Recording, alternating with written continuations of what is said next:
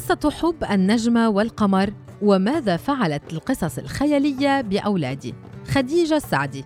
حين كنت أقص على ولدي الصغيرين دلير ونوار قصصا خيالية كانت تبدو لهما حقيقية وكان الدافع لديهما قويا لمعرفة التفاصيل والأحداث كلها حتى النهاية. كانت أحداث القصة تدور حول النجمة والقمر وحول علاقة الحب التي تجمعهما. توسعت القصة مع مرور الوقت وصارت من قصصهما المفضلة.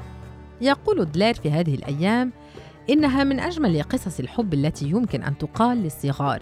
في الأيام التي تلت سماعها للمرة الأولى ظل نوار يلح علي كي أعيد سرد قصة النجمة والقمر على الرغم من أنه يعرف التفاصيل كلها ويحفظها جيداً. يعشق الأطفال سماع القصص الخيالية وخاصة تلك التي تترك أثرا كبيرا في ذاكرتهم الطفولية النشطة وتجعلهم يعودون إليها بين الفينة والأخرى وكلما احتاجوا إلى سماعها مرة إضافية.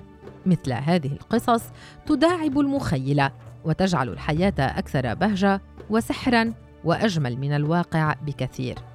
هناك أسرار كثيرة في القصص الخيالية تجعل الطفل طواقا إلى المعرفة وشغوفا بصبر اغوار العوالم التي تداعب مخيلته فيعيش في أدق التفاصيل مستمتعا وطالبا المزيد. وهي بالفعل قصص تشد الأطفال إلى كشف الرغبات المدفونة في الأعماق ومحاولة إيجاد عالم مليء بالحب والسعادة. التوق إلى معرفة أسرار القصص الخيالية يساهم في توسيع مدارك الأطفال. ويجعلهم أكثر تشوقاً لترسيخ الأحداث التي تلهمهم في ذاكرتهم الفتية. قال نوار لي مرة قبل أن أبدأ بسرد إحدى قصص النجمة والقمر: لو تعلمين يا أمي كم أحب الاستماع إليك وأنت تتحدثين عن النجمة ومقالبها الكثيرة مع القمر، وخاصة تلك التي تدور حول زيارة النجمة للقمر في بيته في يوم ذكرى ميلاده. كان الطفلان دلير الأكبر والصغير نوار يضحكان بسرور ويقتربان مني أكثر وكأنهما يحاولان الغوص في كل حدث داخل القصة ليعرفا التفاصيل والأسباب التي تجعل النجمة تقوم بمقالب مضحكة مع حبيبها القمر. ابتسمت وقرأت ما يجول في خاطرهما وأردفت بالقول.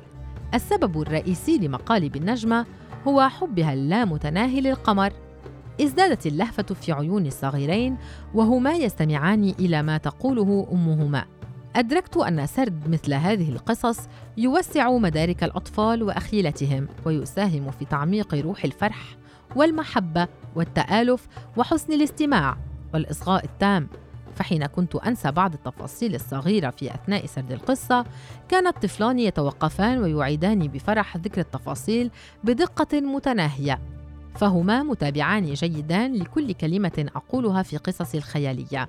ابتسم نوار حين شاهدني مرة أتلعثم محاولة إيجاد الكلمة المناسبة لوصف حالة النجمة وهي في طريقها لملاقاة القمر وقال: أعرف يا ماما أنك تؤلفين هذه القصص وعند إعادة سردها تنسين بعض التفاصيل الدقيقة لكن هذا لا يهم فنحن نتابع كل كلمة وحركة سواء كانت تخص النجمة أم القمر نعم أنا أنسى في بعض الأحيان وأرجو المعذرة.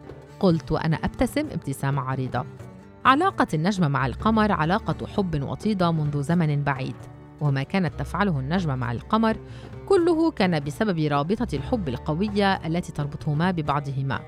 مرة تواعدا أن يلتقيا في ساعة متأخرة من الليل بعد أن ينام الجميع وتخلو الشوارع من المارة. وصل القمر أولا إلى المكان المتفق عليه. وانتظر قدوم النجمة لكنها لم تصل. طال انتظار القمر لأكثر من ساعة. قلق عليها كثيرا ثم قرر البحث عنها. ذهب إلى بيتها ووقف عند شباك غرفة نومها. كان الشباك مفتوحا. ربما تعمدت النجمة عدم إغلاقه في تلك الليلة. دخل بهدوء إلى الغرفة لكنه لم يجدها في سريرها ولا في أي مكان. ازداد قلقه أكثر. رجع يائسا إلى بيته. وحين دخل إلى غرفته رآها مستلقية في سريره تنتظر عودته بشغف. كانت في تلك الليلة في أقصى درجات سعادتها. لم يتذمر القمر ولم يغضب. احتضنها وبقيا حتى الفجر يعيشان حبهما ولم يشعرا بالتعب. في حكاية أخرى اتفقا على أن يخرجا معا للسهر عند ضفة النهر القريب من بيت النجمة. مر القمر أولا إلى بيتها ولكنه لم يجدها.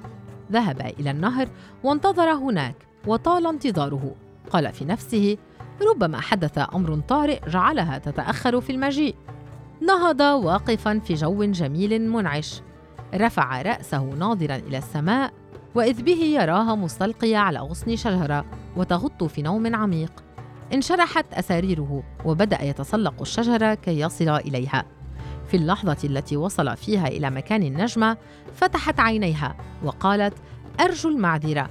وصلت قبل مجيئك بساعة وأردت أن أرتاح قليلا في هذا المكان الجميل. فغفوت. عانقها القمر وبدأ بالحديث والملاطفة حتى الفجر حين عاد كل منهما إلى بيته. كان الطفلان يضحكان ملء شدقيهما.